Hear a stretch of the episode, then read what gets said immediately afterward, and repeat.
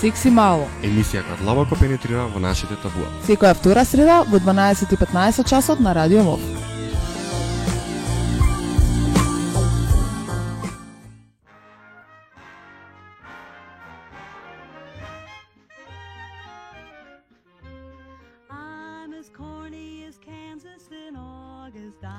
Здраво, дечки, уште една среда со Секси Мало. Денеска не последната емисија за тековнава 2015 година.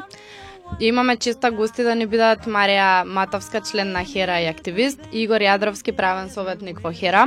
Ке направиме мала ретроспектива за сите актуелни теми кои што ни беа годинава во Секси Мало. Па би дала предност на Марија уште од стар да прашаме дали ако се спореди оваа година во споредба со секоја претходна се гледа барем некоја мала промена во било кој аспект на кој работи Хера. Вака, здраво и од мене. Многу се радувам дека пак сум во студиото на, на Радио и пак сум дел од, од Секси Мало. Значи, јас известно време не снимав и верувам дека и на Були му фале и на нашите слушатели. И вака пред новогодишна навистина убава ми паѓа дека ме викнавте да позборуваме за Она што се случуваше во 2015 година на, на план на активности и за Хера млади и општо за, за Хера. А, исто така би сакала да кажам а, дека имаме многу што што да кажеме, меѓутоа ветувам дека оваа емисија нема нема јас многу да зборам, а во однос на прашањето што ми го постави Јања, дали имаме некаква разлика со претходните години, би кажала апсолутно да. Секоја година за Хира и за Хира млади е предизвик за себе, зависи од многу различни фактори. Како ќе ги имплементираме и организираме активностите? И да, 2015 беше една година исполната со активности, многу бурни периоди, година која што беше и така полна со предизвици за младите на Хира и за мене лично. И тука ви направила малку пауза, значи не ви навлегува во сте детали, бидејќи знам дека имате подготвено прашања кои што се однесуваат повеќе на другите активности што се случува. здраво на сите. А, и јас сум тука, Марија Мрмова, втор пат, ама добро, сепак обврските си го прават своето. А, до Игор имам, иако оваа година стварно обележа многу а, проекти, а, кој момент би го одвоиле како најпозитивен во врска со некоја од темите? Здраво и од мене. А, јас морам да кажам дека ми е исклучително драго што повторно сум во студиото на Радио МОВ и особено во оваа емисија во која што се прави една ретроспектива на се она што го одработивме во изминатава година. Во однос на прашањето, во право си дека има повеќе работи кои што би можел да ги одвоја, меѓутоа е ќе бидам малце субјективен и ќе морам да одвојам а, темата на која што јас најдиректно работам и која што ми е најблиска во однос на работењето на Хера, тоа е а, темата на унапредување на а, репродуктивното здравје на жените румки во општина Шуторизери како една исклучително а, важна тема, една исклучително осетлива тема. А, пошто се разликува оваа година во однос на предходната и зашто сметам дека ова е најголемиот успех на на Хера годинава тоа е носењето на односно ветувањето на министерот дека во шутка од следната година ќе се донесе матичен гинеколог, дека ќе се распише тендер за да се отвори а, ординација во шутка како која што ќе работи матичен гинеколог. А сметам дека ова е можеби и најголемиот успех затоа што а, Хера во целиот овој процес на застапување, на лобирање кај надлежните органи за носење на матичен гинеколог стоеше во позадина, а цел, целиот процес го турка жените кои што се зајакнати од страна на Хера, кои што работат како наши теренски работнички, кои што на вистина во последна година активистички се изградија доволно и доволно силно за да можат сами да отидат пред министерство и пред самиот министер да побараат она што им треба и на крајот нели да го добијат. Па токму од сите овие причини мислам дека ако се земе оваа година како целина дека ова е една од најважните, ако не е најважна работа и најуспешна работа која можам да одведам до работењето на. Скромност. Да, да. Не дека јас имам работено на тоа, меѓутоа, да. Многу фер за другите сектори одели во Хера, морам да признам. А, се надевам дека ќе се сложат јони. Да, да, да. Нема јас се служувам, видно. Е, фала ти. Како наш денешен диџеј Игор ќе ни предложи нешто што ќе се опуштиме, што ќе уживаме. Супер, боли по твој предлог. И јас го предложам истото.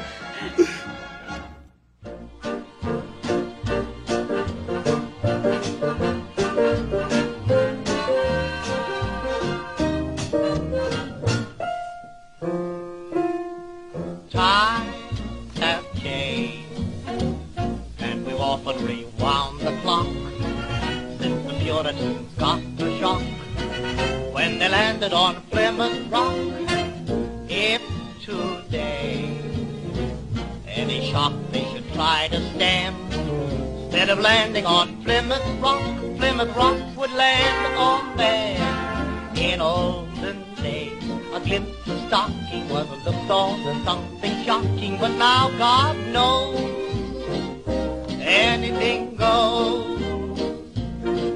Good authors too, who once knew better words, now only use four letter words writing prose. Anything goes. Driving fast cars you like, if low bars you like, if old hymns you like, if bare limbs you like, if May West you like, or me undressed you like, why nobody will oppose. When every night the set that's smart is intruding at nudist parties in studio. Anything goes. When the Mrs. McLean, God bless her, can get Russian red to yes, sir, then I suppose anything goes.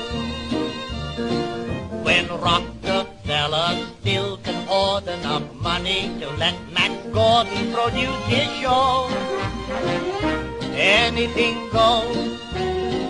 The world has gone mad today, and good bad today, and black's white today, and day's night today, and that gent today you gave a cent today once had several chateaus. When folks who still can ride in jitneys find out Vanderbilts and Whitneys lack baby clothes, anything goes.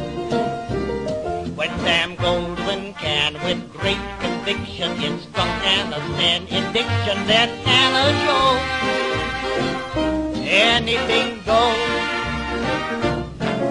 When you hear that lady mental standing up, now does a handspring landing up on her toes.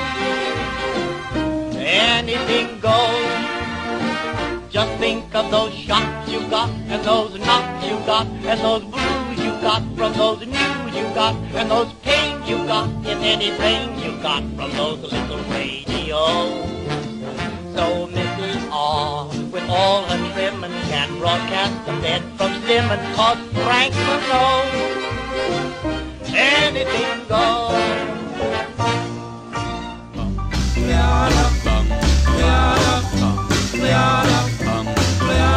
Got a doll baby, I love her so. Nothing else like her anywhere you go. A man, she's anything but calm. Regular pint size atom bomb. Atom bomb, baby, little atom bomb. I want her in my wigwam. She's just the way I want her to be. A million times hotter than TNT.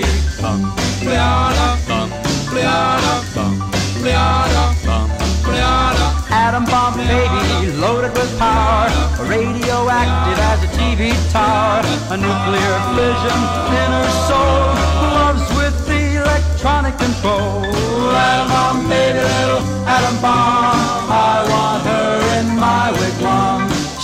Just the way I want her to be, a million times hotter than TNT. Bum.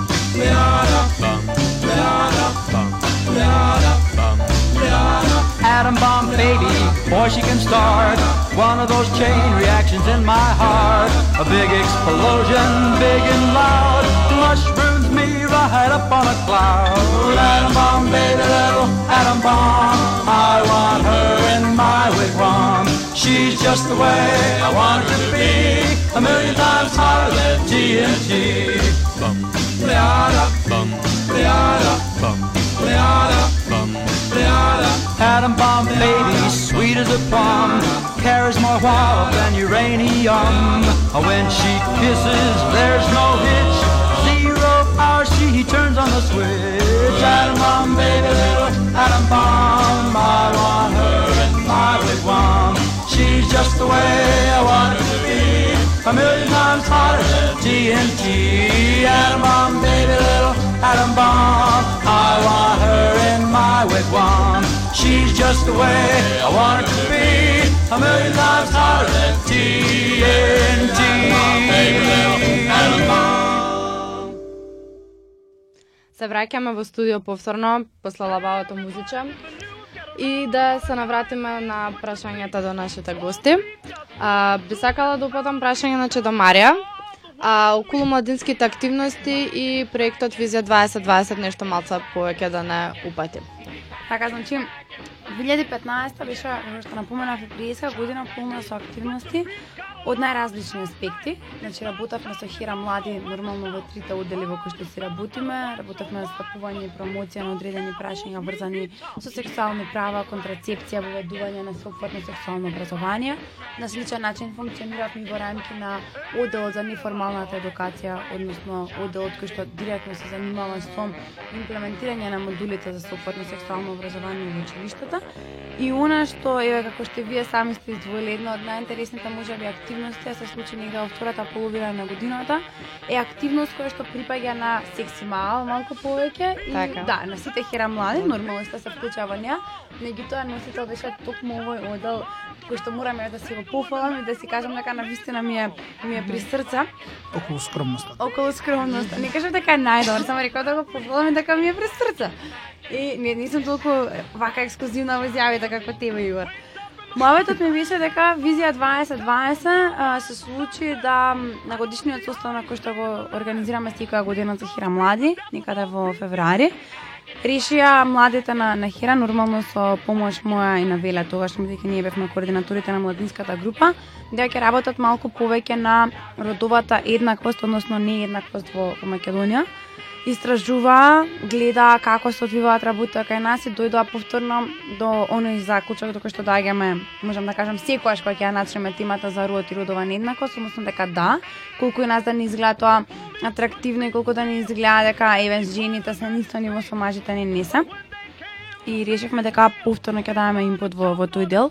Односно, Хира Млади, начело со Секси Мало, направија едно многу интересно видео. Значи, можат луѓето да го погледнат се уште на нашите социјални мрежи и медиуми.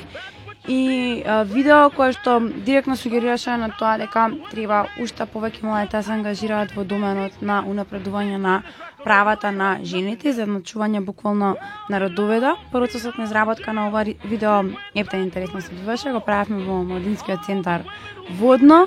Исто така промоцијата целосно беше осмислена од страна на младите, самата продукција беше осмислена од страна на младите и мислам дека на крајот добивме еден многу добар производ и и така кој имаше одзив понатаму на на социјалните медиуми. Значи мене ме радува кога ќе видам дека и други млади луѓе и други луѓе се на исто ниво да кажеме со нашите размислувања и дека ја поддржуваат оваа идеја и ја поддржа. Така да би ги повикала сите останати слушателки и слушатели што ми ги погледнале овие материјали, ова видео да да го дзирнат на нашите социјални медиуми. Фала. А, Игор, ти, што ќе ни кажеш? Да се надоврзеш за или за визија 2020 или да ја спомнеме и абортистите. А добро, јас малку повеќе би говорел на абортостигмата и како оној мојот дел, значи правниот дел кој што го работам. Садниот. Се шалам. Документи, па, да да. не се леѓаме јас сум правник. Се шегувам, се шегувам. а, би се доврзал на делот како она што Хера го работи на правен план, односно на менување на политики и менување на закони, конкретно законот за абортус влијаеше на, на самата абортус стигма. Значи, тоа мислам дека неколку пати го имаме разговарано а, во секси мало и се провлекувани со други различни теми, а, дека со самото носење на еден рестриктивен закон уште повеќе се зголемува абортус стигмата кон жени кои што сакаат да направат абортус, кои што направиле абортус.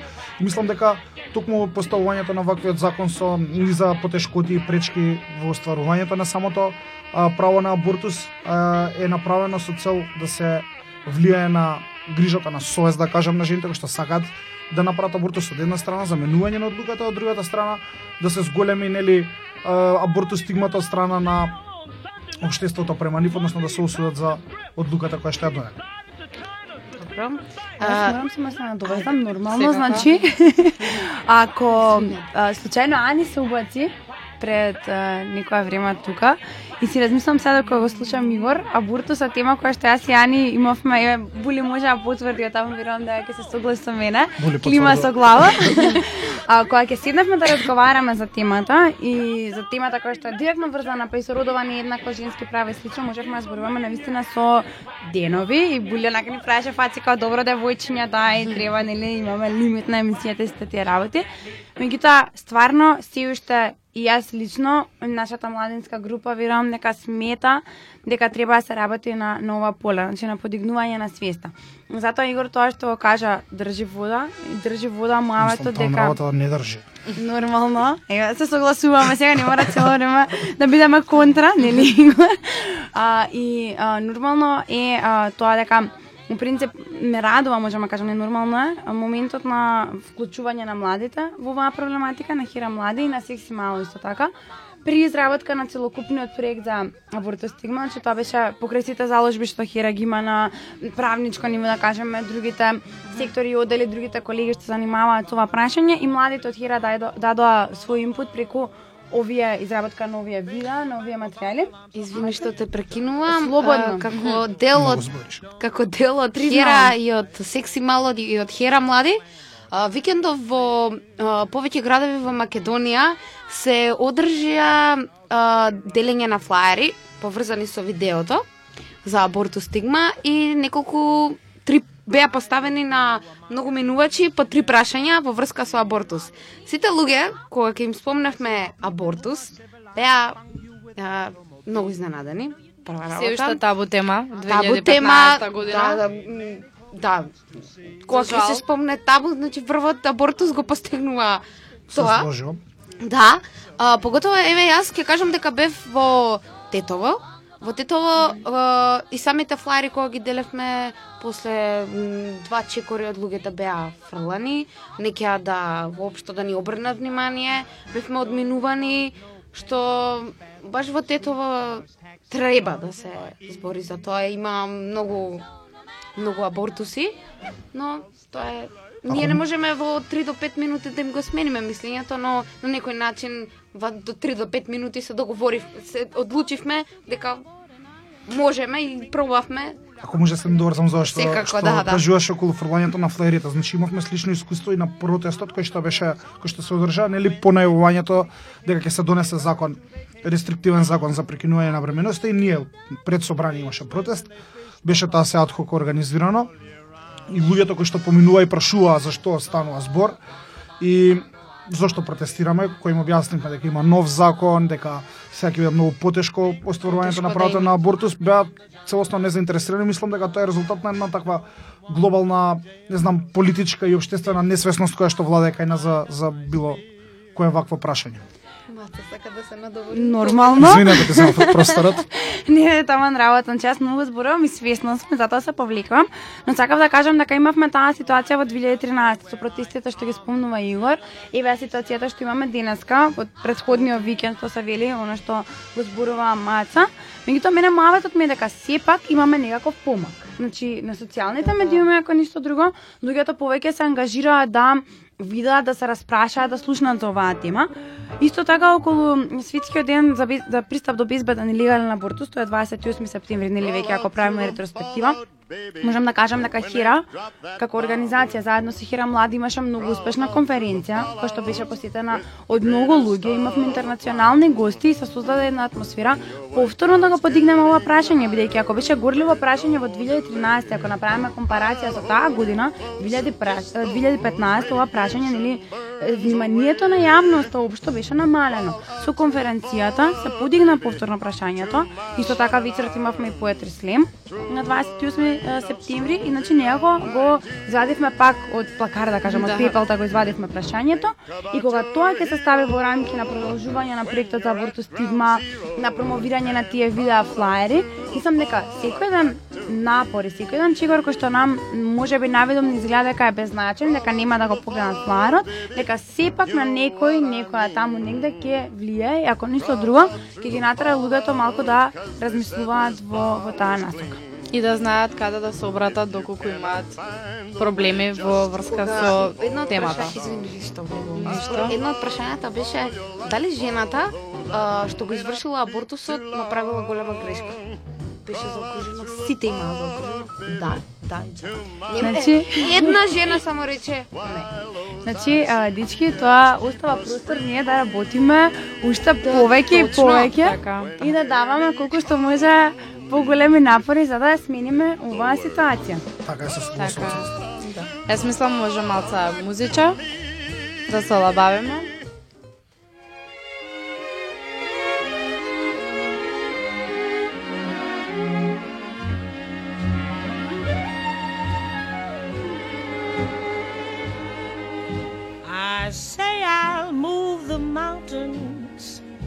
And I'll move the mountains if he wants them out of the way. Crazy calls me, sure I'm crazy, crazy in love, I'd say. I say I'll go through fire, and I'll go through fire. As he wants it, so it will be. Crazy he calls me, sure I'm crazy, crazy in love, you see. Like the wind that shakes the bough. He moves me a smile. The difficult I'll do right now. The impossible will take a little while. I say I'll care forever, and I mean forever if I have to hold up the sky. Crazy calls me, sure I'm crazy, crazy in love am I. Like the wind that shakes the bough, he moves me with a smile. The difficult I'll do right now. The impossible will take a little while. I say I'll care forever, and I mean forever. If I have to hold up the sky. Crazy he calls me, sure I'm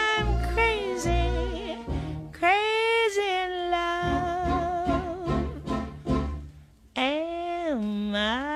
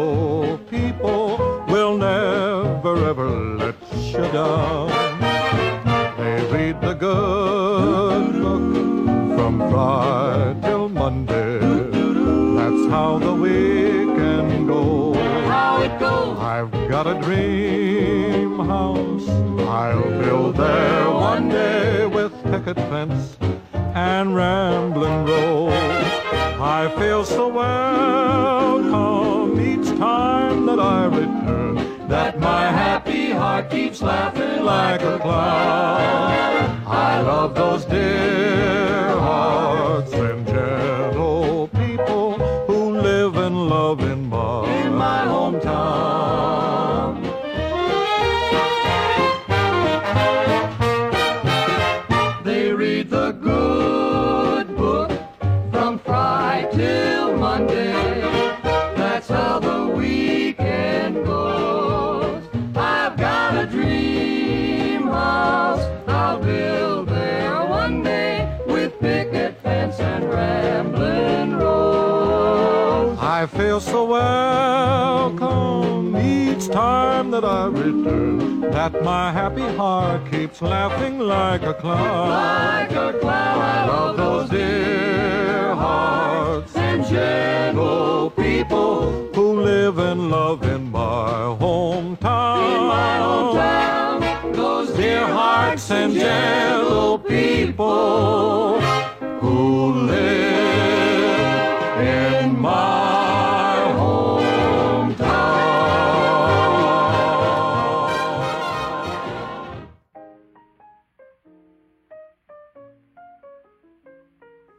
Se vraćamo pak u emisiju.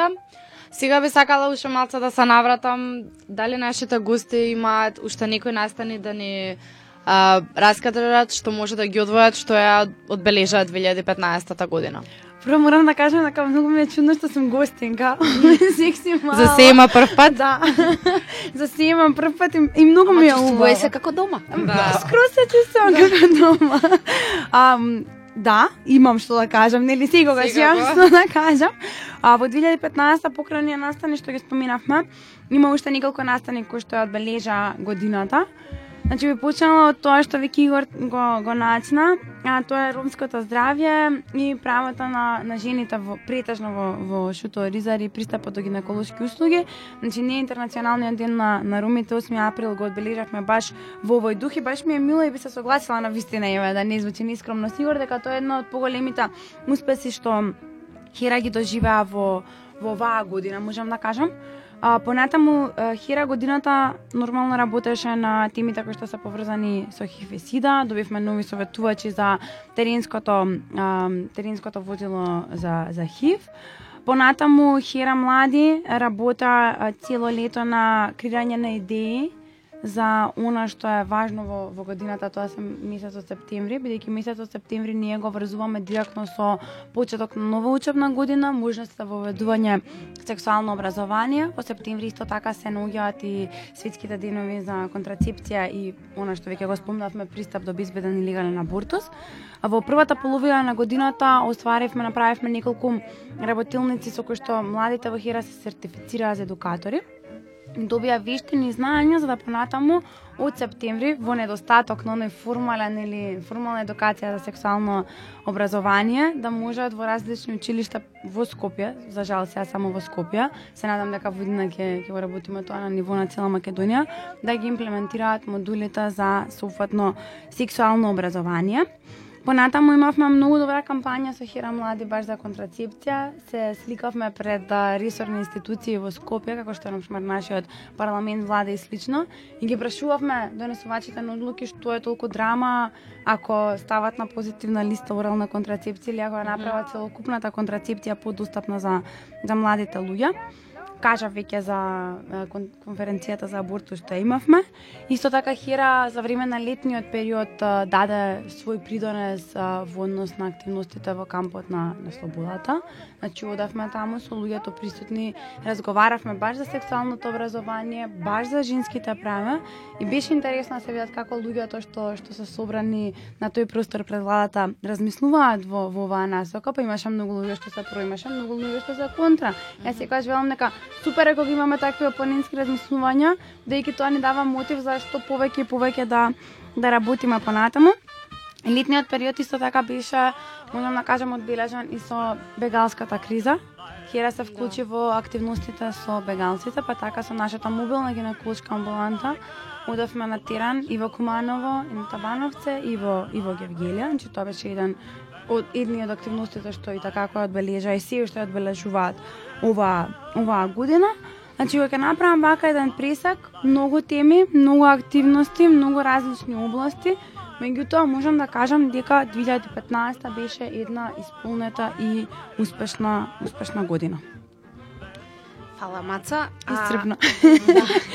А, Игор, а, што може да биде направено поразлично и поуспешно во наредната 2016? Па, земе го, земајќи го предвид пак она што според мене беше најуспешно, нели, скромното оваа година и гледајќи како уствари луѓето кои што се највеќе засегнати од одредено прашање може да доведат да донесат промена, односно да издействуваат подобрување на, на одредена ситуација, сметам дека а, во 2016 година би требало да го засилиме малце тој активистички дел.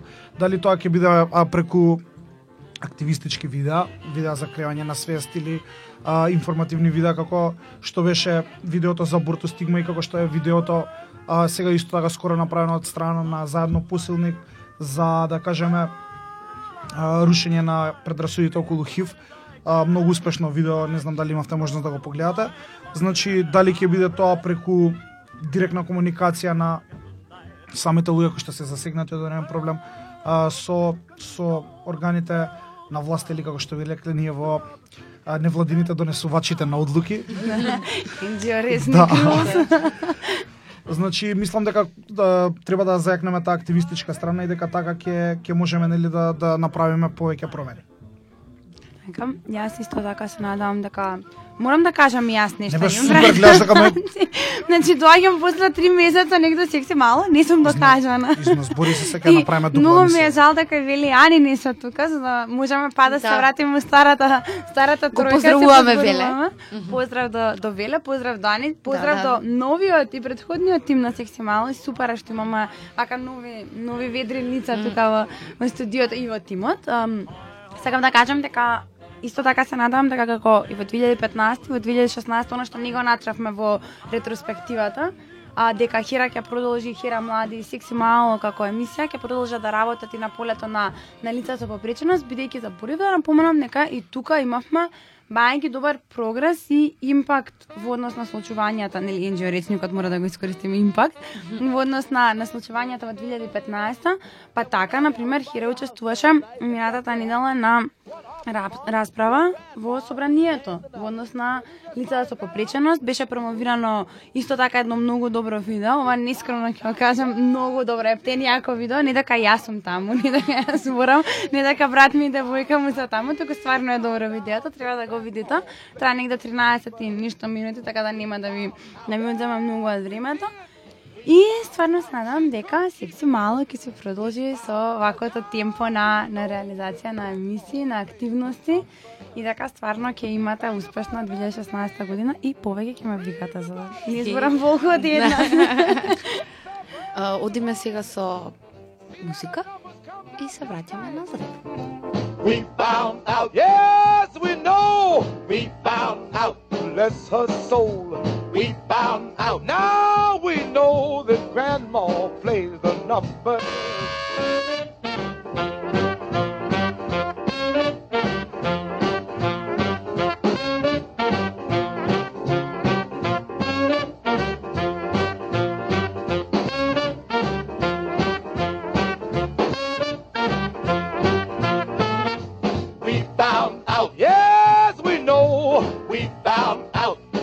Her soul. We found out, now we know that Grandma plays the numbers.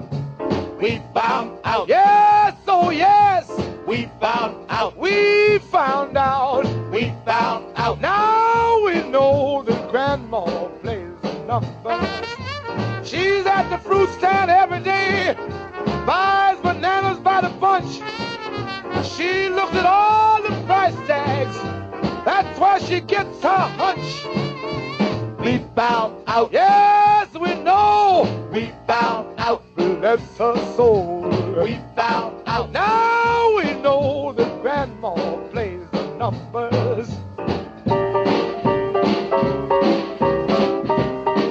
Hey, Grandma, did you get your numbers in yet? Well,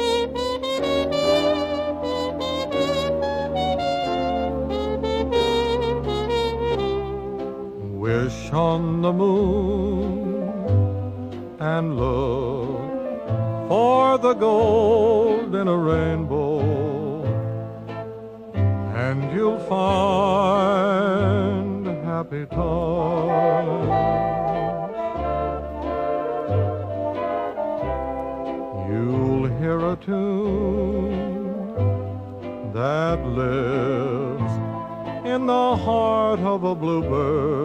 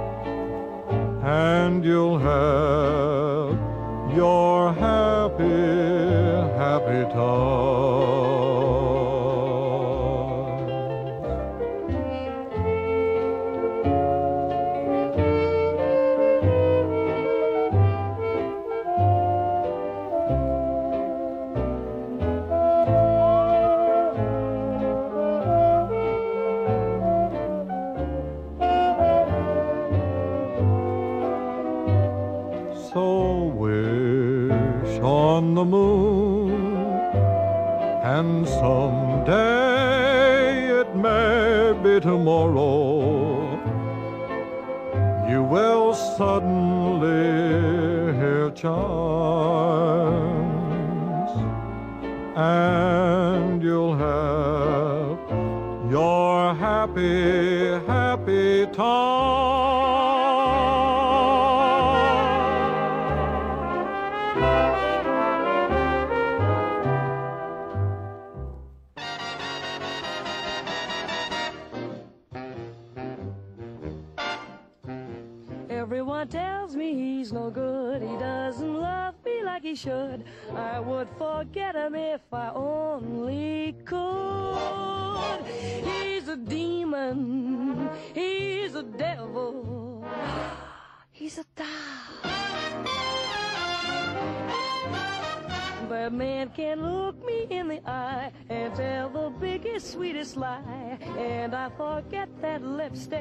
on his tie. He's a demon. He's a devil. A Sometimes I make up my mind that I'll stop being so blind and tell him off real bad. But then it turns on those charms and there I am in his arms and I forget why I'm mad. I wanna tell him drop dead, but I keep loving him instead. My mama must have dropped me on my head. He's a demon, he's a devil. A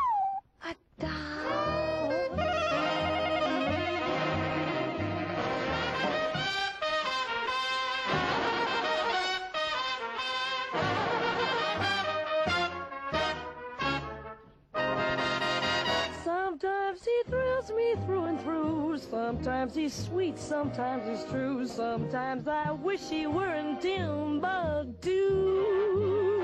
He's a demon. He's a devil. He's a dog.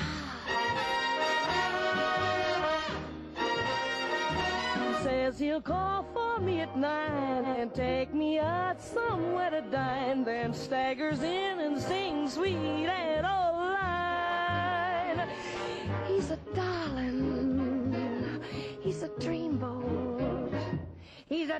Dog. I had the measles at two, the chicken pox and the flu. My whooping cough was grim. I had the itch and the mumps, the poison ivy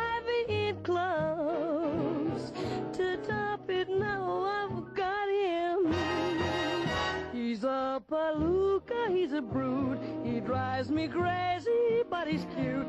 Why do I love a guy I ought to shoot? He's a demon. He is a devil. He is a dog.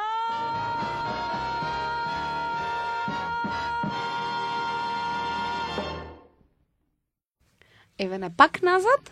А, сега маца малце ќе навлеземе во историјата на Секси Мало. Yes. Как пошто многу од слушателите не знаат како настанало Секси Мало, па приказната за Секси Мало да ни ја раскажеш. Ех, значи носталгија од мама пука. Приказната за Секси Мало е почната многу пред јас да станам волонтер во Хера. Јас станам 2004-та, када бајаги долга приказна и приказна со традиција ова приказна за нашата Секси Мало.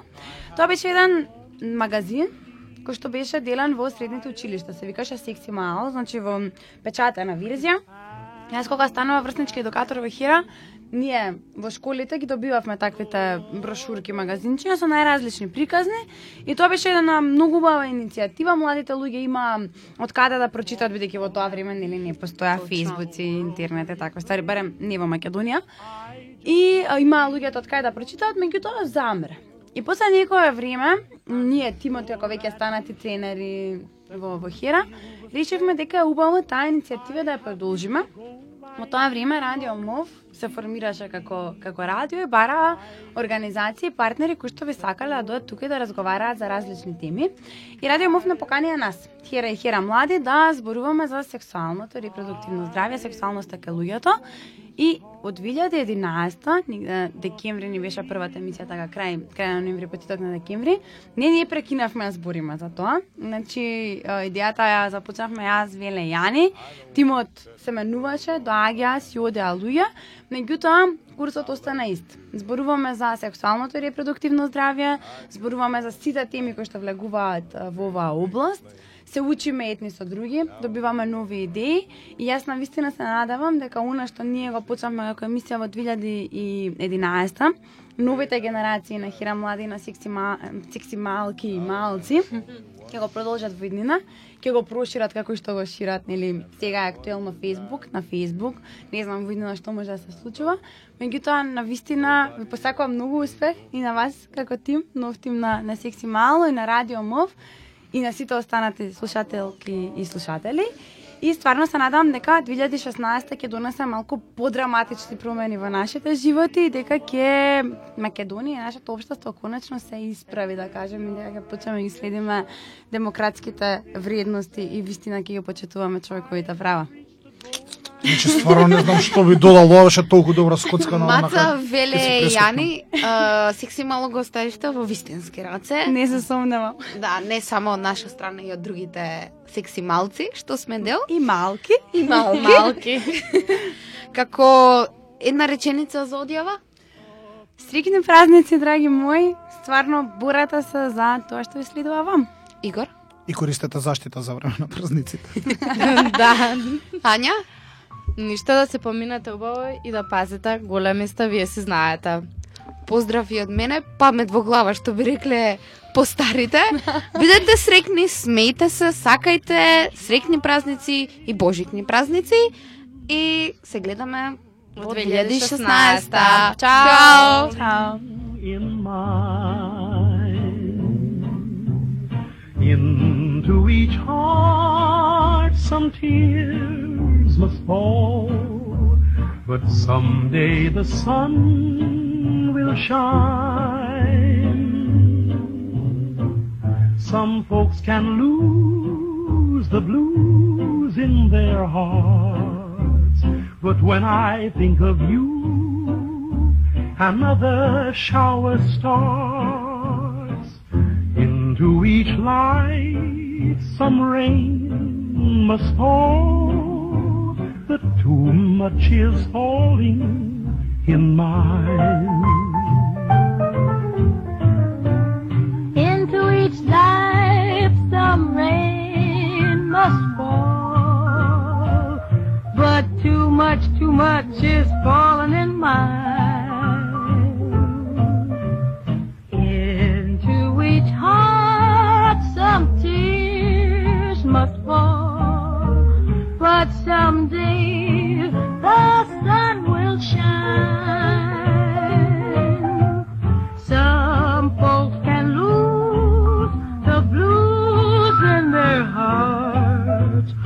When I think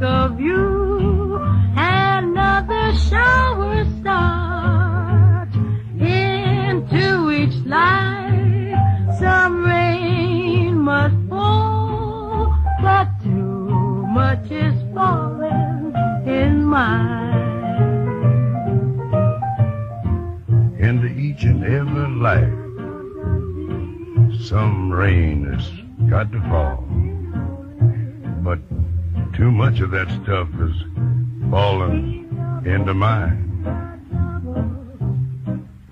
And into each heart, some tears gotta fall. And I know that someday that sun is bound to shine.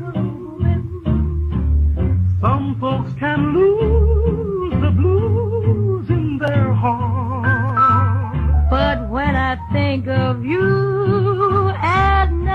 笑。